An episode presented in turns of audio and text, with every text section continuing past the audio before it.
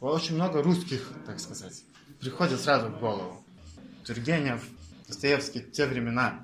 Там есть одна какая-то э, вселенная смысла, взглядов, понятий и так далее. Потом совсем другое, да, вот совсем другое мне приходит, если вспомнить это, что мы развали в начале, там, бригады Бумер, другая вещь, да, это советское э, пространство, тоже русское. Третий, русские.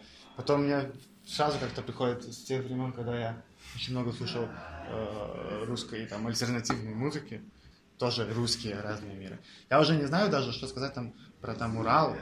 Там, наверное, еще другие, как бы русские, э, понятие, что такое русский. И такое последнее, что мне приходит в голову, когда вот русский, что такое русский, так это Тольков, Игорь, вся эта среда. Совсем другое значение, что такое быть русским. Какие-то нюансы есть, но это очень разные вещи, например, Тольков или, или Достоевский и пацаны с моего двора. И что такое быть русским. Вы слушаете Найла подкаст на русском языке. У микрофона Инна Шилина. Если вам нравится то, что вы слышите, вы можете присоединиться к патронированию новых подкастов Найла по адресу patreon.com slash мультимедиа. С философской стороны идентитет, наверное, это скорее, ну, мне так кажется, связь сантики с, с усовими. Как ты сам себя смотришь, так сказать. Это не что-то такого, что ты всегда имеешь и, и не знаю, как свитер надел и есть. Нет, это акт, всегда ты должен это делать, да? В этом твой идентитет настоящий открывается. Не в том, что ты там несознательно что-то делаешь. Да, это тоже люди называют идентитет, да. В этом, наверное, можно потерять что-то там. Там русские все время говорили Иисус воскрес, а я не, не говорю уже Иисус воскрес. Мне как-то это совсем чуждо. Это можно, наверное, как-то потерять. Но в этом смысле, как я смотрю сам в себя, э, там, ну, я никак не вижу, там, я русский, литовец, никакой разницы нет. На медиаплатформе nanuk.lt вышел двуязычный литовско-русский документальный проект «Идентичность». Серия с 15 интервью с детьми русскоязычных граждан Литвы, которые выросли уже в независимой республике. Это студенты, молодые учителя, ученые, художники, политики и общественные деятели из разных городов Литвы. Беседы с молодыми людьми, которые рассказывали о себе, своих сверстниках и родителях, показали, что эта среда неоднородная. В моем последнем произведении была такая фраза, что национальная идентичность всегда приходит со стороны. Даже когда тебе кажется, что это совершенно твой выбор, он совсем не твой. Я подразумеваю, что ее раньше веками формировали, сотни лет ткали как одежду, которую на тебя надели, но ты совершенно можешь ее снять вот свободно и сказать, это не моя идентичность, мне она не нужна. Я на себя все-таки ощущаю русским, вот, потому Русский, что да? больше всего наверное, из-за родного языка. Насколько ты не идеально бы говорил бы на, литовском языке, все равно, все равно ты ну, не литовец, хотя некоторые вот коллеги, например, по работе мне говорят, ну, ты литовец, но вот ты литовец, ну, я скажу, ну да, На протяжении всей передачи вы будете слышать голоса некоторых из них, записанные в вильнюсских кафе, студиях и офисах. Как бы это же мы просто родились где-то, это не наше, это просто рандом, абсолютно рандомная вещь. И теперь почему-то мы берем и держимся за эту рандомную вещь, как на, за вот просто факел, такой вот огонь, который нас вот выведет. Профессор Института политических наук и международных отношений Наталья Орловскайте отвечает на вопросы, которые возникли непосредственно после его публикации. Наталья держит в руках железный термос и время от времени постукивает по нему пальцами. В процессе работы и по ее окончании коллеги-журналисты спрашивали, не трудно ли было искать собеседников, не боялись ли они говорить. Поскольку процент отказов от интервью был не больше и не меньше, чем в других проектах, эти вопросы удивляли. Ой, какое красивое имя, там, литовцы те же говорят. А были и русскоязычные, так там вообще скажешь, Дарья, о, Дарья, там, вот, тут тоже Дарья, это Дарья, это Дарья. Выхватывая различные сочетания славяно-литовских имен и фамилий из своего личного окружения, социальных сетей, новостей и титров, я столкнулась с довольно широким выбором, с кем поговорить, и чтобы его сузить, приходилось постоянно усложнять себе задачу. Например, каждого нового собеседника я старалась найти из другого города, несколько другого рода деятельности, чтобы его родители были русскими, поляками, евреями, татарами или хотя бы один из них и оказались в Литве в разные исторические периоды. Поиск можно было бы вести бесконечно, не будь ограничений по времени. После того, как эти интервью вышли на литовском языке, один мой коллега поделился со мной письмом читателя примерно такого содержания. Очень интересно, а я еще другой русский. Они соглашались говорить, потому что была потребность высказаться, самопозиционироваться, выразить несогласие с чем-то общепринятым. К размышлению о самих себе они привыкли. Не обязательно на тему этничности, национальности, языка, но тем не менее размышления о том, кто они такие и как случилось, что они такие, какие они есть. Я думаю, что многие из, этих, из них занимаются этим достаточно часто. Тем более, что там Некоторые из э, ваших собеседников, они напрямую декларируют свой интерес ко всевозможным зонам неопределенности. Один пишет диссертацию про лиминальность, другой, другая пишет, уже написал, другая пишет диссертацию про э, социолог сексуальности и пишет о бисексуальности диссертацию. Третья занимается тем, что думает о соприсутствии в ней сразу нескольких идентичностей, поэтому ей нужны опыты всевозможные с животными, как художница думает об этом. Поэтому э, получается, что отчасти легкость разговора, наверное, или, по крайней мере, не чрезвычайная затруднительность разговора, связана с тем, что сами собеседники люди привычные к размышлению, к размышлению неординарному. То есть не, не, неординарному не в смысле обязательно самой темы, но в смысле такого почти инстинктивного отталкивания от э, готовой схемы или такого циркулирующих вокруг схем объяснительных. А, наверное, вторая причина, по которой поиск э, собеседников не был трудным, а вопросы возникают все ли хотели говорить, или вот как же так получилось, что с вами хотели говорить. Я думаю, что как раз связан с эм, живучестью и с чрезвычайной устойчивостью такого национального мышления, именно в терминах национальности. И когда все кажется таким заведомо понятным и определенным, есть национальность, есть язык. Э, каким-то способом в таком в поп-воображении это должно быть еще связано со взглядами и э, предпочтениями. И вот когда появляются люди, которые говорят помимо такой готовой сетки, то, наверное, это кажется удивительным. Некоторые участники проекта перед тем, как согласиться на интервью, просили не описывать их сенсационно или в терминах «русский, но хороший» и «правильный русский». Были строгие предпочтения о месте публикации. Тем не менее, беседы получились откровенными, потому тексты перед выходом в свет я показывала даже тем собеседникам, которые не высказывали такую просьбу. В некоторых случаях происходили небольшие коррекции, в основном фактологические, в других – перенос акцентов с частного на общее. Один из текстов пролежал полгода, но все-таки был опубликован.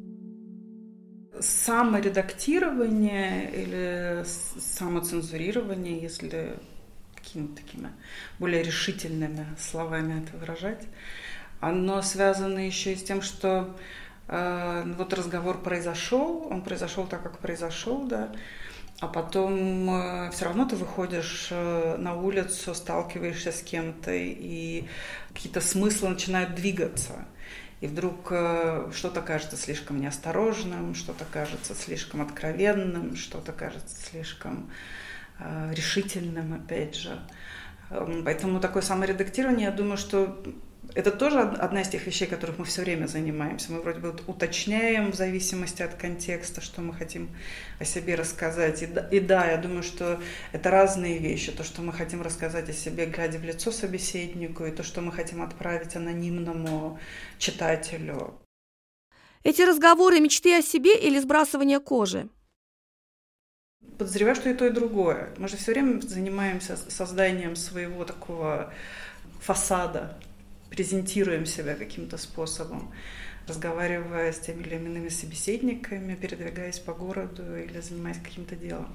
Поэтому я думаю, что э, мы все делаем приблизительно то же самое. И думаю, что э, большинство из ваших собеседников, они они, наверное, интересны тем спокойной интонацией, да? То есть ни, для кого обсуждение корней, э, языков, их смешения, отказа от каких-то из них, возвращения к ним судя по интервью, не было каким-то драматическим событием или э, таким очень напряженным событием. И думаю, что это было такой честной попыткой рефлексии в основном. Именно потому, что вопросы о языке, семье, передвижениях, семьи, появлении, например, в Литве, отъезды, приезды, кто что смотрит, какое телевидение, что про это думает, они были не сами по себе, то есть они в этих интервью кажутся не, не столько самоцелью, вот давайте поговорим о том, какие передачи вы смотрите, на каком языке шутите, а на каком языке плачете, Потому что все эти интервью, они все-таки э, вообще о человеке, вот, с которым мы сталкиваемся, и поэтому оказывается, что размышления о выборе языка того же оказываются сильно связаны с опытом жизни в разных странах, с опытом работы в разных странах, с очень разными встреченными людьми, институциями, проектами, в которых люди работают или хотят работать, видят себя, опять же, семьи, дружбы и все что угодно. И поэтому, наверное, интерес, интересность этих рассказов о себе, она как раз состоит в том, что вопросы языка, национальности, семейной истории – они такая часть, и не обязательно даже главная часть их понимания себя, вообще э, думания о себе, размышления.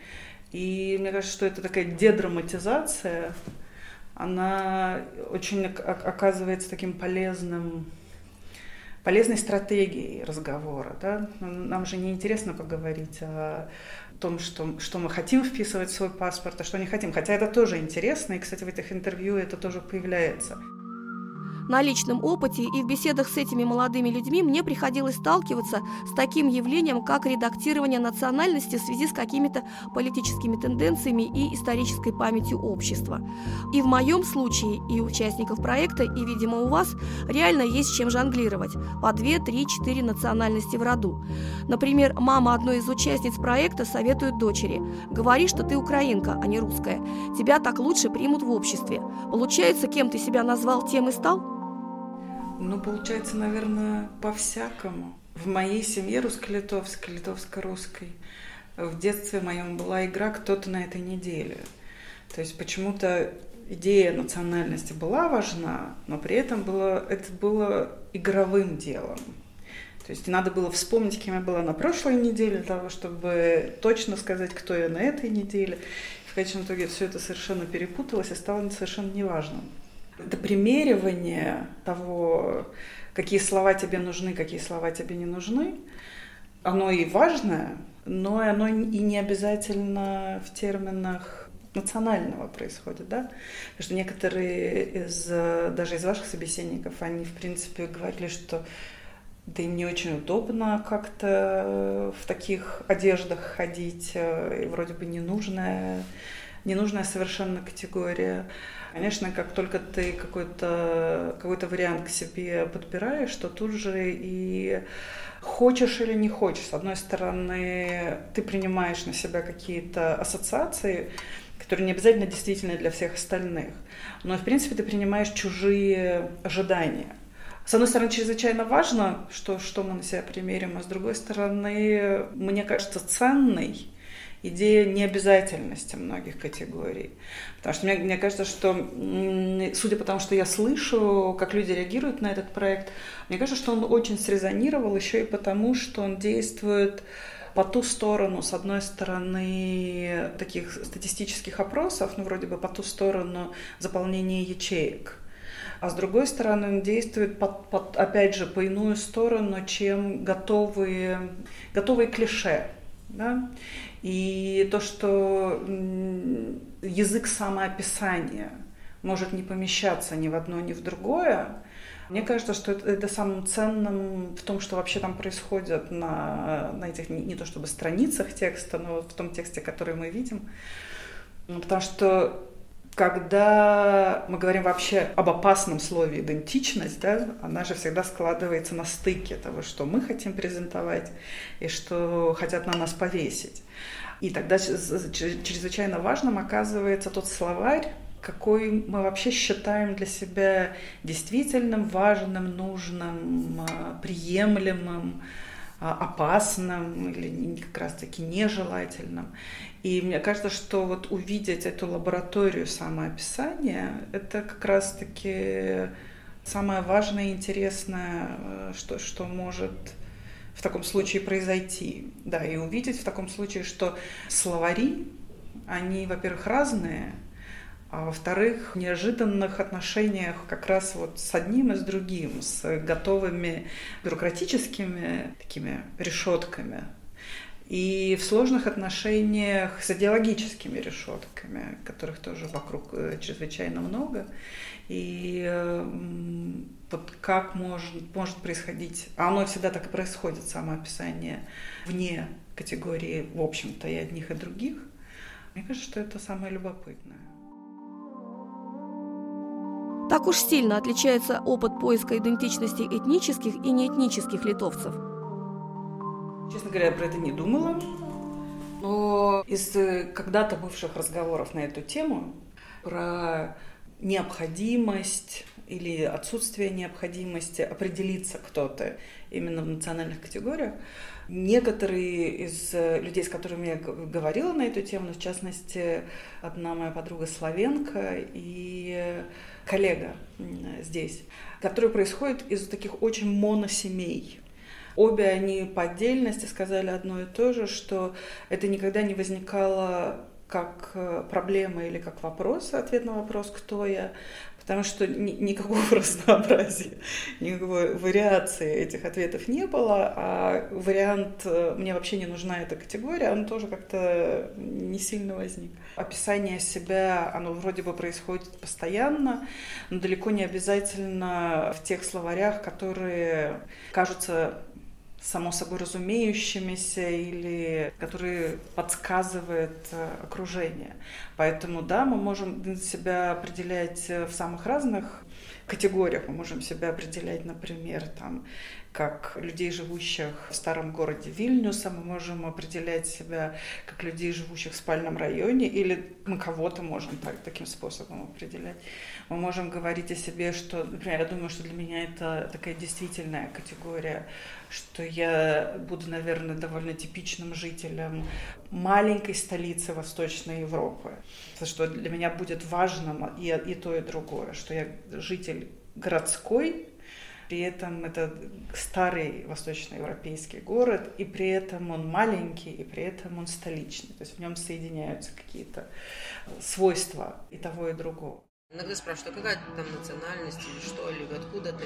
Я говорю, родилась тут.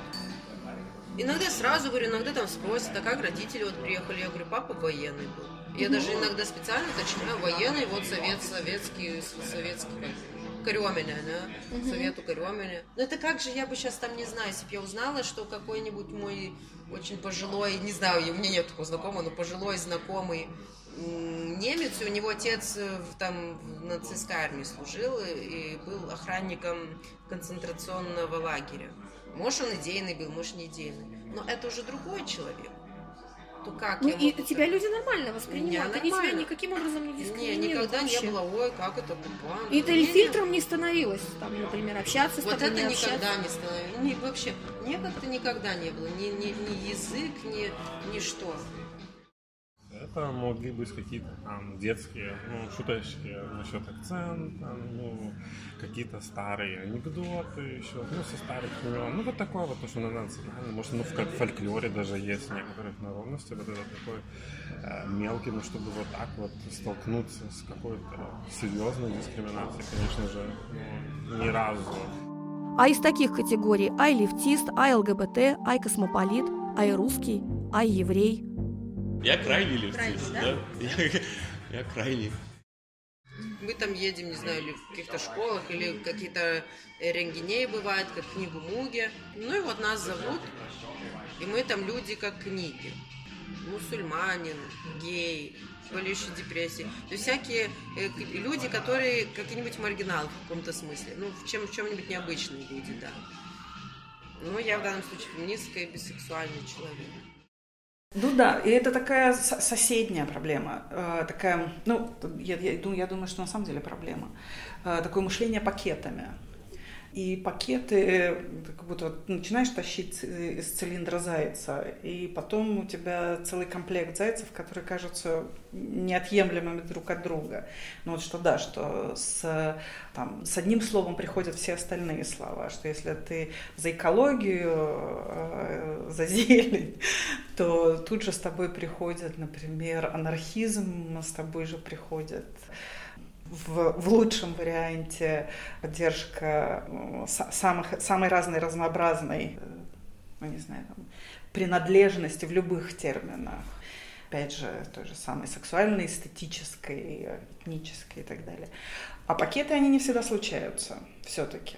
И кажется, что это один из таких наименее интересных и наиболее частых ходов, как, как мы думаем друг о друге. Вот мы думаем друг о друге часто очень как раз пакетами. И распаковывание их – это как раз развенчивание, вернее, пакетов. Это, мне кажется, не бесполезное занятие, которое в немалой степени в тех разговорах и происходит. То есть они оказываются, они не все упакованы в одно и то же, ваши собеседники, несмотря на то, что их может объединять такая необязательность эм, определения себя как, э, не знаю, потомков русских, э, русских, э, русскоязычных и так далее. То есть для них это все такое достаточно гибкое поле, но это не значит, что все остальное у них более или менее одинаковое. Едва ли, там, там точно не так все. Вот мои знакомые, вот уже в современной, например, Великобритании, рассказывают какие-то прекрасные вещи про то, как эм, их дети, их английские дети, ходят в садики уже там с литовцами, с поляками, да, которые уже там выросли. И вот эти дети приносят домой какие-то литовские слова. Вы представляете? Я думаю, ну вот, Эврик, вот оно, вот оно мое, не то, что там идеальное общество, конечно, нет, но вот оно мое, в принципе, да, вот я бы хотела, чтобы в моем садике были дети, вот чтобы мы пели и индийские песни, и американские, и какие вот все вместе, чтобы мы спели. Как бы вместе живем, но как бы и отдельно. Конечно, нужно, чтобы были какие-то а, места, где там классы все-таки встречаются, ну, разных национальностей, ну, тот контакт, вот, чтобы он происходил. Готовы ли в обществе прощать чрезмерную вольность обращения с языком, акценты, чужой синтаксис, не ту интонацию, ударение? Вроде бы и свой человек, и живет тут, и книжки те же самые читает, и общий круг общения, а вот у него акцент. Я не один раз была свидетелем ситуации, когда, например, кто-то из коллег, у кого, например, родной русский, читает лекции, пишет на, на нескольких языках, прекрасные ученые, прекрасные преподаватели. И о ком, желая сказать самые хорошие слова, кто-нибудь говорит, что вот да, как, же замечательно говорит по-литовски, например. Ну вот и красноречиво, и во, всех остальных смыслах хорошо. Но вот акцент-то слышен. И это так удивительно, потому что получается, что вот это различие выстраивается по минимальному какому-то признаку. И при этом это оказывается действенным. То есть это то, что люди видят, то, что люди слышат, на что слух настроен. И, наверное, это изменится тогда, когда, надо сказать, наверное, если, если э, хотя бы, например, вот э, академическая среда, которая мне более знакома, станет более открытой Э, и открытый не, не, я сейчас не, вовсе не про мировоззрение говорю, а про институциональные всевозможные границы, потому что э, среда очень э, такая стабильная, э, обмен происходит очень медленно, такое кровообращение. И э, поэтому э, других акцентов, других способов выражения себя мы почти не слышим, этого очень мало. И я думаю, что э, вот это приятие самых разных форм э, выражения, оно увеличится ровно в тот момент, когда вот это минимальное различие перестанет быть важным, когда э, центр сместится на что-то другое. И пока признаков нету. Отчуждение может происходить и по социальным акцентам. Все, конечно, это все действует, и все акценты, э, мы, мы говорим вроде бы как имея в виду национальные акценты, да, и как, угу. как, как они воспринимаются. Но все приносим с собой какую-то манеру речи, которая, она социально отмечена. И какие-то из них будут в каких-то контекстах приемлемы, какие-то нет.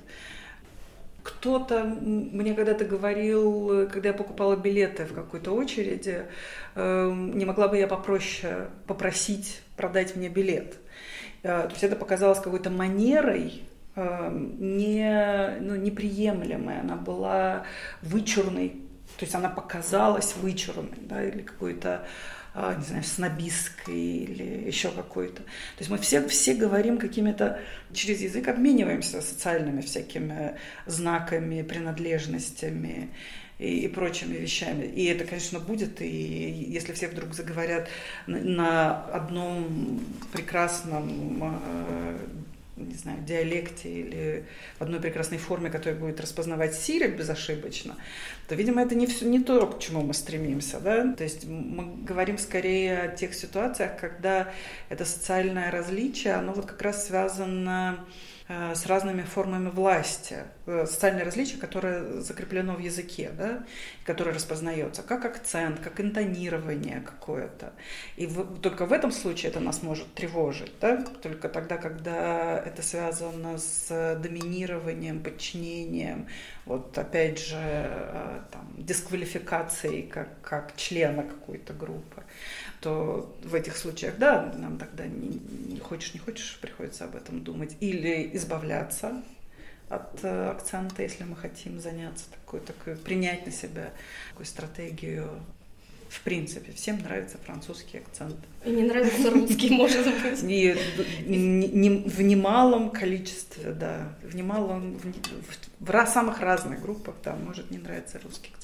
Точно так же может не нравиться, например, то, что будет опознаваться как такой американизм, тоже, который будет восприниматься, ну, вот как та же самая вычурность, манерность, как это сказать по-литовски или по-русски с, с американским акцентом. Самые разные знаки, значения мы приписываем вот этим э, интонационным или акцентным знакам.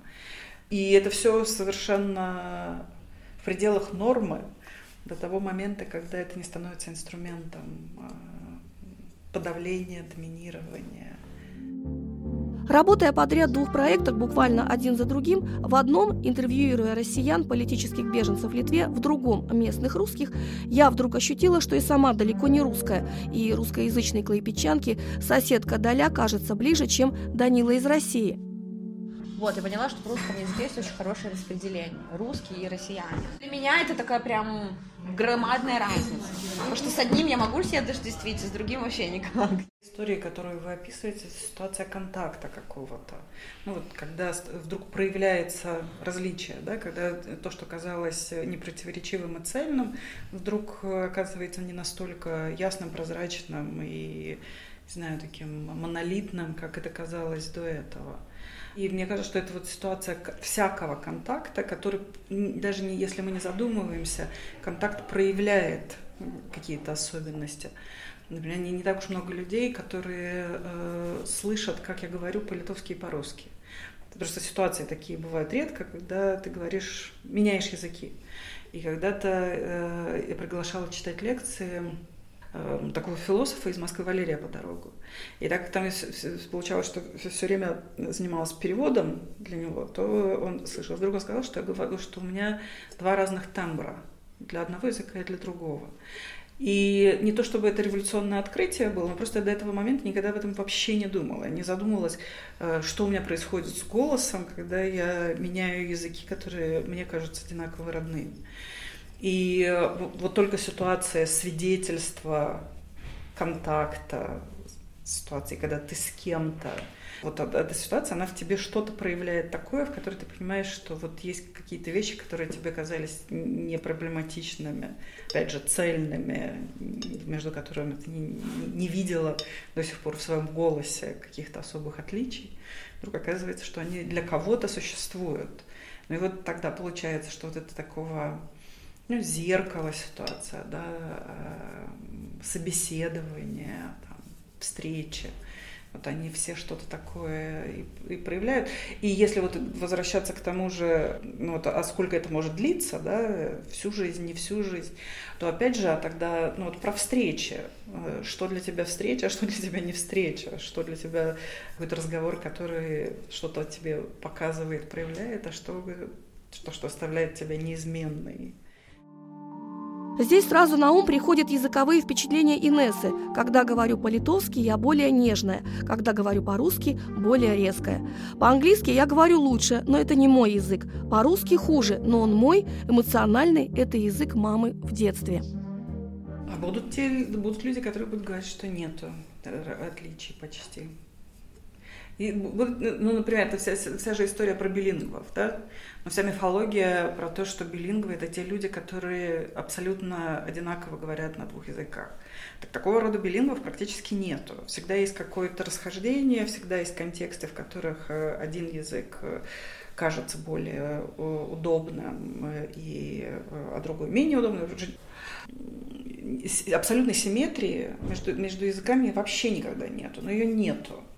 И поэтому э, ну, такие самонаблюдения, там на языке такая, на другом такая, это очень интересно, потому что это э, не про языки наблюдения, а про контексты, в которых они используются все-таки. И тогда получается, что эти контексты очень разные. Ну, например, один язык – это язык детства, например, а другой язык это и твой профессиональный язык. И получается, и, и тогда к этому вдруг привязывается оценка на одном языке. Я, допустим, беззащитнее и, не знаю, там, чувствительнее, а на другом языке я точнее и не знаю, рациональнее. Потому что они, это не про, не про язык, это про части жизни, к которым они прикреплены. А вот еще, многие из собеседников говорили про кровь. Русская кровь, украинская кровь, у меня три крови, у меня пять. Но ведь национальная идентичность – это далеко не кровь. С этой кровью я тоже на нее обратила внимание, но, честно говоря, э, не, не очень застряла на этом. Я думаю, что в данном случае э, кровь, конечно, дело показательное, само слово присутствие его, но при этом мне кажется, что оно там туда попадает автоматом практически как синоним э, языков, которые тебя окружают, опытов. опытов, да. И, конечно, это такое вот то, что прям э, идея национальности привязывает к биологии и привязывает к органике. Но, тем не менее, в этих текстах, как они устроены, большинство из них, все же получается, что сама вот метафорика крови, она входит в противоречие со всем остальным, как они себя описывают. Получается, что что-то э, из э, способов думать про национальное заимствуется из такого, из биологического представления о том, что мы называем национальным. Все остальное, в принципе, нет. Все остальное про практики, про опыты, про гибридность опытов, про их такую про такое мерцание опытов, потому что там много, очень часто речь идет о, о, в категориях степени. Ну вот чуть-чуть говорю на таком-то языке, или там получается, что иногда в некоторых ситуациях э, мне кажется, что э, вот я себя ощущаю таким-то способом. Получается, что речь идет в основном о практиках и опыте, в которые в, крап, в, в качестве вкраплений проникает этот язык э, почвы и, и крови. Но мне кажется, что он так скорее такой автоматизм даже в большей степени, автоматизм такого популярного способа говорить о, о, об этом. Но это далеко не доминирующий способ, который они предлагают. Идея унаследования национальностей практически для всех для них чужда. То есть это не то, что ты вот с той же самой кровью вроде бы как и получаешь. То есть да, там эта кровь кажется таким э, инородным телом достаточно в их рассказах, Я всем говорю, что я полька, да. Ну, есть сомнения, как бы, если глубже подумать. Ну, так если спросят, ну, спросят, блин, ночью, ночью придут, ты кто? Я скажу, да, я полька. Просто, ну, если подумать глубже, то не знаю даже, как ответить. Угу. А что такое вообще вот, быть национальность? Оно с языком связано? Или это все-таки что-то другое Это, это, это то, что, ну, где-то где-то вырос, как в каком-то, как бы, ну, может даже быть литовцем и родиться э, и, и жить в польской семье. Например, у меня есть такая подружка, которая э, с детского дома, но она целую жизнь жила в еврейской семье, но и не говорит, что я еврейка. Некоторые из участников делились тем, что их просто по славянской фамилии в некоторых ситуациях автоматически причисляли к ватникам, пришивали руку Кремля, уши ФСБ и прочее. А, то есть для, для чего вообще нужна такая вдруг категория, как ватник, и почему она вдруг э, становится такой достаточно стабильной? Хотя мне казалось, что она уже идет на убыль. Во всяком случае, я как-то очень мало сталкиваюсь с активным использованием слова. И мне кажется, мне кажется важным об этом говорить и думать, но скорее в духе таком упрощения и санитации такого социального пространства, потому что слово нужно, нужно для чего? Зачем нам нужно слово «ватник»? Ну, для того, чтобы сделать две простые категории. Вот есть э, вроде бы хорошие русские, а есть плохие русские. И сделать это, это разделение чрезвычайно таким э, простым и техническим.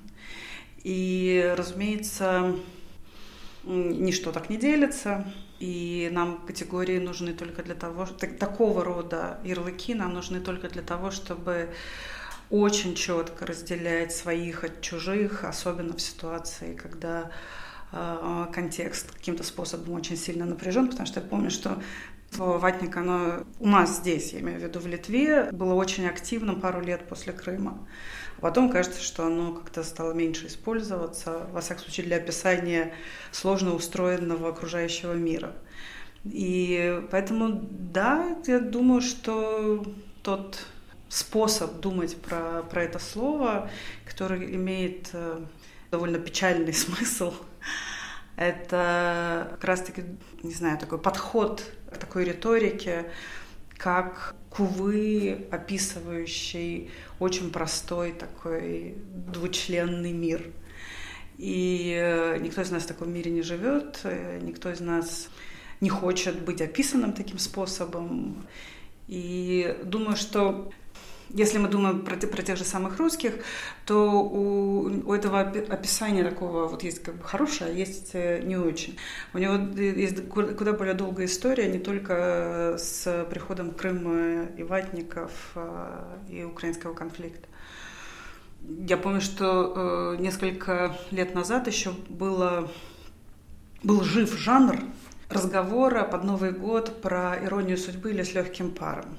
И несколько сезонов к ряду появлялись тексты, которые развенчивали будто бы существующий высокий статус э, этого кинопроизведения. И, как правило, он развенчивался в том духе, что до чего же примитивное произведение кино, которое нам раскрывает всю беспощадную правду о э, социальном и психологическом состоянии советского человека, который, видимо, до сих пор э, жив и бодр у э, российского соседа, потому что это чрезвычайно популярно, и вот нам это каждый раз предлагают через российский канал. И интересно, что, э, по крайней мере, в нескольких текстах, я даже какое-то время подумывала про это написать, но как-то это все так и не получилось, в этих текстах, как правило, появлялся этот мотив хорошего русского искусства, которому подверстывается советское, и плохого русского искусства. И понятно, что тогда вот это разделение на хороших и плохих, оно проходит приблизительно Киркоров-Достоевский. И понятно, что это два и ложных поля, и не имеющих полюса, и не имеющих э, отношения, видимо, никакой реальности – но, тем не менее, это та же самая логика, в которой многое продолжает существовать. Нас тогда тоже называли ватниками, что мы тут, что нам тут платят. И вообще во всех протестах, которые я принимала участие, раньше или позднее, всегда, ранее или поздно, всегда приходил вот этот э, тоже контекст, ну как сказать, нарратив, что, да, что вот это мы, кто сидел бы бесплатно без денег что-то вот защищал бы, Конечно, это кто-то ему платит, платит. Конечно, там Россия, так скажем, Кремль. Слово «дискриминация» мне уже не кажется достаточным и точным для описания отношения к различным меньшинствам, в том числе и национальным. Ну, я даже не знаю, наверное, такая, такая сложно устроенная система своих и чужих, э, где все не описывается только гражданством, только формальными правами или, э, не знаю, там, собственностью по соседству у кого-то. И эти свои чужие, они... Это вот сейчас, потому что мы же навели фокус на литовских русских, да, но его можно еще по, по, по многим не знаю, параметрам навести, и станет тоже понятно, что эти границы, они такие э, и жесткие иногда, иногда как раз очень такие текучие, что ли, взаимо пересекающиеся и, и изменчивые. И я думаю, что это ощущение, когда ты э, свой и чужая, оно у всех, оно нам всем свойственно. И это даже, кстати, интересно, когда мы склонны вдруг описывать свое ощущение чуждости в категориях национальности. То есть каждый раз мы чувствуем себя Э, чужими именно по, по этой причине, хотя, казалось бы, э, это такая подсказка, которая лежит очень близко, да, и, эм, и с другой стороны, да, огромная э, куча стереотипов, которые связаны с национальным, которая тут же, конечно, нагружена всяким разным политическим смыслом и, и грузом. И э, я думаю, что это справедливо, что литовские русские могут себя чувствовать как обязанными постоянно подтверждать лояльность. Потому что это обязательство им вменяется достаточно, достаточно часто, хотя бы в той формуле, которую вы описывали, русские «но». Да? То есть появляется, как, э, как если бы это была какая-то аномалия, и эта аномалия вдруг становится нормой. И э, я думаю, да, что это такая реальность части людей, э, живущим совсем-совсем рядом с нами. Потому что некоторые говорят, все-таки я в первую очередь там поляк, допустим, там я в первую очередь вот русский, да. И я говорю, вот, вот, допустим, хорошо, ты живешь тут в Литве, имеешь дом, там семьи, все такое, так смотришь, если ты вот просто имеешь работу, ты вот, ты никогда там за границей нигде не был, и начинается война. Польша нападает на тебя. Mm-hmm. Что ты будешь делать? Пойдешь, типа, оружие брать против своих вот на деревьях людей воевать, да? Да, стоит, ну, ну нет пока человек не подумает о реальной ситуации, он не понимает, кто ему дорог и что он, где его место, если честно. Очень такой, очень президента как-то сразу, сразу нет, потому что такой вопрос. Не знаю там, что, что будет там через, через 20 лет или 15, но, но мне кажется, все равно не будет соответствовать электорату. Представитель нацменьшинства, он может стать в Литве президентом?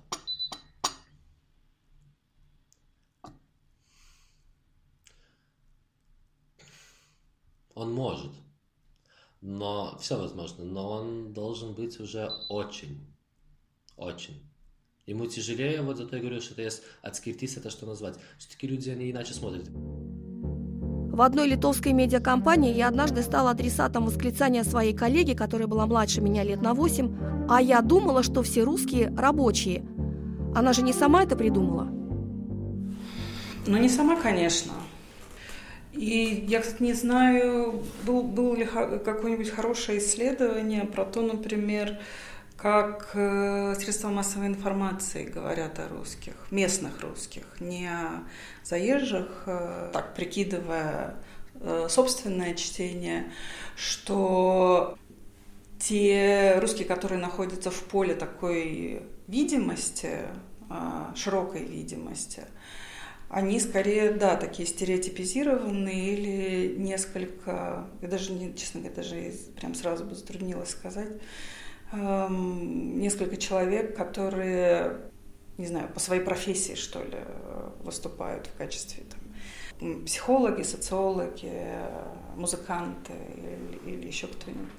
И я, я думаю, почему мне, собственно, и нравится ваш проект – собственно, ровно по этой причине, потому что это рассказ не просто о людях, у которых затейливая история самоописания, но это рассказ о людях, которые по их фамилии, имени, произношению, э, опять же, самоидентификации, оказываются непривычными, необычными персонажами.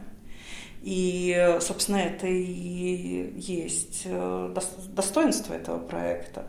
То, что в поле видимости, а поле видимости это и есть политика. Кто туда попадает, тот и является законным, полноправным участником всего происходящего.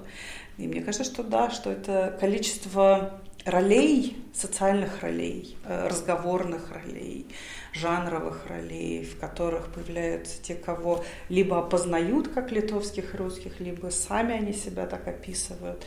Вот увеличение количества этих ролей, оно было бы очень важным. И не только русских, polяков, может быть, евреев в меньшей степени. Galėčiau vis dėlto lietuviškai, nes man tiesiog bus minčių raiška tokia paprastesnė.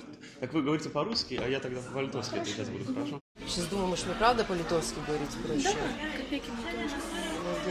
Ну. Это я, той. Не все литовцы и русские узнали русских в русских героях проекта. Некоторые диагностировали ассимиляцию – языковую, культурную и политическую. Читатели словно оказались заложниками медийного мейнстрима, что если про нас меньшинство, то обязательно в терминах родного языка, народных костюмов, ремесел, религиозных праздников и известно окрашенных политических взглядов. Саму идею того, что э, некоторые русские не опознают в ваших русских русских, мне кажется, что это не про ассимиляцию вообще вся история, а история про знакомые роли. И знакомые медийные роли, и знакомые стереотипные роли. И даже то, что вот вы упоминали про то, что ну вот хоро- хороший пример русского – это кокошник и романс. А плохой пример русского – это тот, который говорит с акцентом и еще, но при этом хочет Э, поучиться в русской школе, вот как, как у вас там была история, э, потому что ну просто вот берет и хочет. И это какие-то уже непонятные русские. И ну, тут много можно, конечно, всего э, надумать. С одной стороны, если просто для которых чрезвычайно важна такая одно, однозначная идентификация, такая четкость. При этом люди, которые как как те, которые вам и выбраны, которые живут э, не совсем оседлой жизнью, живут между разными странами, живут между разными языками, эм, между разными профессиями иногда. Для них такая, такая жесткость э, национальной роли для них куда менее вообще важна. И мне кажется, что это получается такая встреча ну, разных представлений о том, в, в каком... Вернее, даже не, не так. Это, это такая встреча с образом жизни, о котором ты не подозревал. И опять же, получается, что это такие свои, но не совсем свои, а слегка чужие. И эта чуждость тогда обязательно, она недалеко, она облекается в, в выражение, что это какие-то не совсем те русские. Но это вообще не совсем те, которых я хотел бы или хотела бы считать своими. И мне кажется, что это вот э, тут драма. Драма, то, что нет никакой единой судьбы у того, кого мы называем литовским русским. Документальный проект «Идентичность», который поддержал Совет министров северных стран, награжден Департаментом нацменьшинств при правительстве Литовской Республики за вклад в межкультурный диалог. Полностью прочитать всю серию интервью на русском языке можно по адресу nanuk.lt идентичность. Патронировать создание новых подкастов Найла можно по адресу patreon.com nanuk multimedia.